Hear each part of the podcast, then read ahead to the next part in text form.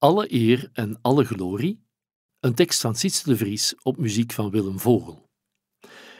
Dit lied is te vinden in Zingt Jubilate onder het nummer 767. Het is een lied dat volledig op zijn plaats is op Drie-eenheidszondag. Het is opgebouwd uit drie strofes, eentje rond de Vader, eentje rond de Zoon en eentje rond de Heilige Geest. Ik lees u de tekst. Alle eer en alle glorie geldt de luisterrijke naam. Viert de vrede die hij heden uitroept over ons bestaan. Aangezicht, vol van licht, zie ons met ontferming aan. Alle eer en alle glorie geldt de Zoon, de erfgenaam. Als genade die ons toekomt, is Hij onze nieuwe naam. Licht uit licht, vergezicht, steek ons met uw stralen aan. Alle eer en alle glorie geldt de geest die leven doet, die de eenheid in ons ademt, vlam die ons vertrouwen voedt, levenszon, liefdesbron, maak de tongen los voor goed.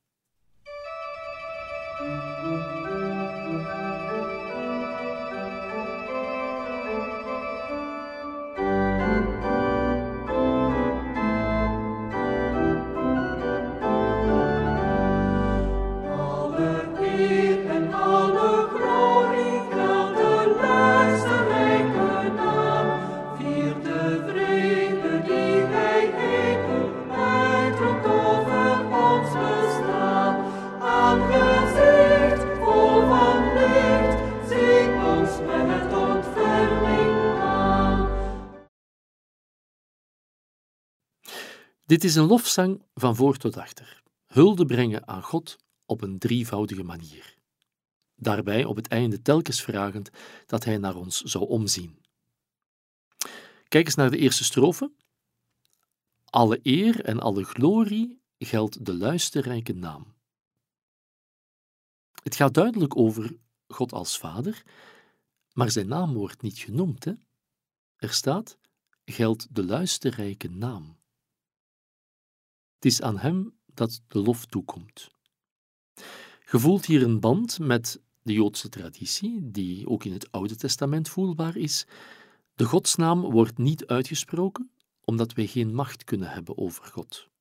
Wanneer je iemand met een naam kunt noemen, zegt de Joodse traditie, ja, dan heb je een beetje macht over die persoon. En over God kunnen we geen macht hebben. Daarom spreken we zijn naam niet uit.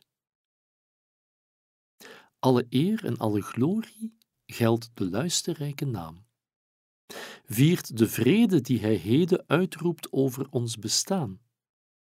Je voelt dat de tekst ook heel sterk aansluit bij hetgeen wij nu kennen als het Gloria. Eer aan God in den hoge en vrede op aarde aan de mensen die hij lief heeft. Alle eer en alle glorie geldt de luisterrijke naam, viert de vrede, hier komt die vrede ook, viert de vrede die hij heden uitroept over ons bestaan aangezicht vol van licht, zie ons met ontferming aan.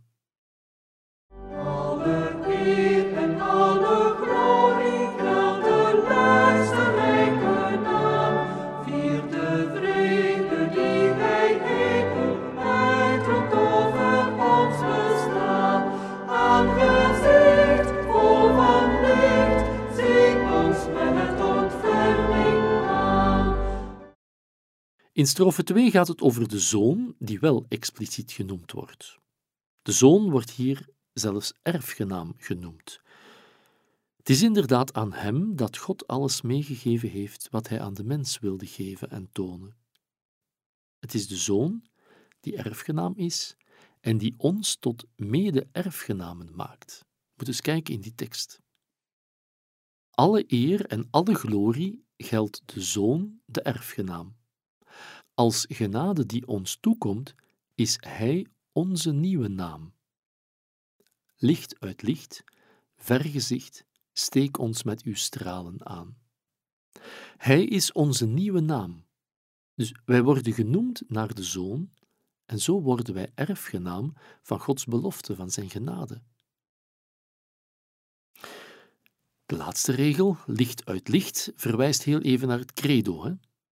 Maar het is ook een verderzetting van wat er in de eerste strofe op die plaats stond. Daar stond er aangezicht vol van licht. Dat werd over de Vader gezegd. En over de Zoon wordt nu gezegd licht uit licht. En in de derde strofe zal de geest op die plaats levenszon worden genoemd. Allemaal beelden vanuit dezelfde stam van licht. En dat is niet zo vreemd. Kijk naar het Johannesevangelie, het begin van het Johannesevangelie. Daar speelt licht ook een grote rol in relatie tot God. Ik lees u de eerste verse. In het begin was het woord, en het woord was bij God, en het woord was God. Dat was in het begin bij God. Alles is erdoor ontstaan, en zonder dat is niets ontstaan van wat bestaat.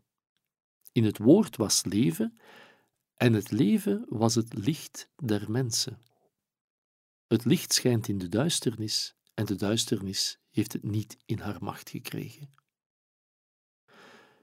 Dus de link tussen God en licht, en dan zie je hier in de eerste strofe staan, aangezicht vol van licht. In de tweede strofe, licht uit licht, de zoon die uit de vader voortkomt. Het is allemaal heel mooi gedaan, vind ik. En dan de geest als levenszon.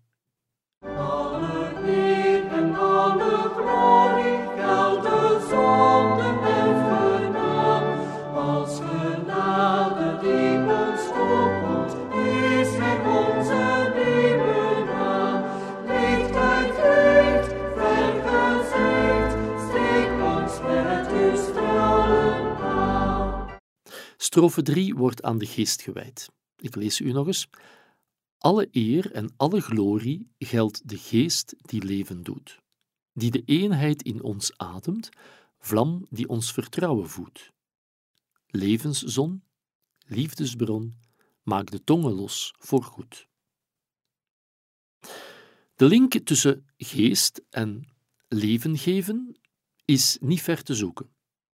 Als je in het scheppingsverhaal gaat kijken, daar staat dat God de mens de levensadem in de neus blaast. Daar wordt het woord ruach voor gebruikt en datzelfde woord gebruiken we ook voor de geest. En dat zit in deze strofe wel heel mooi in, vind ik. Hè? Geest die leven doet in de eerste regel, of die in ons ademt. Levenszon. De link tussen geest en leven geven is heel sterk aanwezig. De tekst eindigt met een knipoog naar het Pinksterverhaal. De leerlingen raakten begeesterd en begonnen in alle talen te spreken over God en over Jezus. Het staat in boek Handelingen. En dan zien we hier de tekst eindigen. Maak de tongen los voor goed.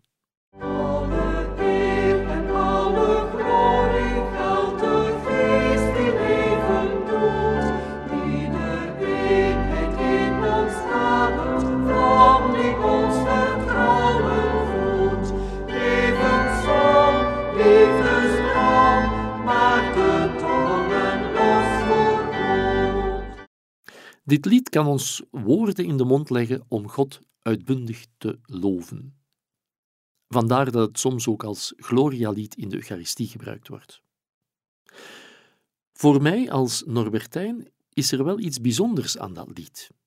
Het werd in 1987 geschreven door Sitse de Vries en Willem Vogel als cadeau voor het Sint-Cecilia-koor van de abdij van Grimbergen, ook een Norbertijnen abdij. Want de kantorij van Amsterdam, onder leiding van Willem Vogel, die kwam toen op bezoek in Grimbergen en die bracht een compositie mee als geschenk. Dus het koor van Grimbergen kreeg een compositiecadeau van het koor van Amsterdam. Het was een veel uitgebreidere Gloria-compositie dan hetgeen dat we nu hier hebben, maar men heeft achteraf deze drie strofes uit die compositie gehaald om die in liedbundels aan te bieden. Hoe bijzonder is dit, hè? Je gaat met uw koor op bezoek bij een ander koor in het buitenland en als geschenk geeft je hun een nieuwe compositie. Dat zouden wij in Vlaanderen nooit doen. Dat weet iedereen van ons. Wij geven een bak bier of zo. Hè? Over dit lied wist ik dat niet. Maar bij mijn onderzoek in voorbereiding op deze podcast heb ik dat gevonden en ik moet zeggen, ik voel mij ineens veel meer verbonden met dat lied dan voorheen. Willem Vogel heeft voor deze tekst een heel krachtige melodie ontworpen. Het zal zeker niet gemakkelijk geweest zijn, want die tekst valt eigenlijk uiteen in zeven regels. Ik ga u de tekst lezen zoals die eigenlijk door de dichter gemaakt is. Alle eer en alle glorie geldt de luisterrijke naam, viert de vrede die hij heden uitroept over ons bestaan, aangezicht, vol van licht, zie ons met ontferming aan. Als je die tekst nu uittikt en centreert, dan krijg je eigenlijk een kelkvorm te zien. Er zijn maar weinig liedbundels die het lied op deze manier afdrukken. Zingend geloven in deel 6, denk ik, heeft dat wel gedaan. Hè? Nochtans is de tekst op deze manier bedoeld en dan toont die tekst ook iets heel moois. Want de aansprekingen die op het steeltje van de kelk staan, om het zo te zeggen, die aansprekingen komen dan veel mooier uit. Aangezicht, vol van licht, licht uit licht, vergezicht, levenszon, liefdesbron. En Willem Vogel heeft die plaats ook melodisch heel sterk ondersteund. Luister maar eens naar die plaats in de eerste strofe.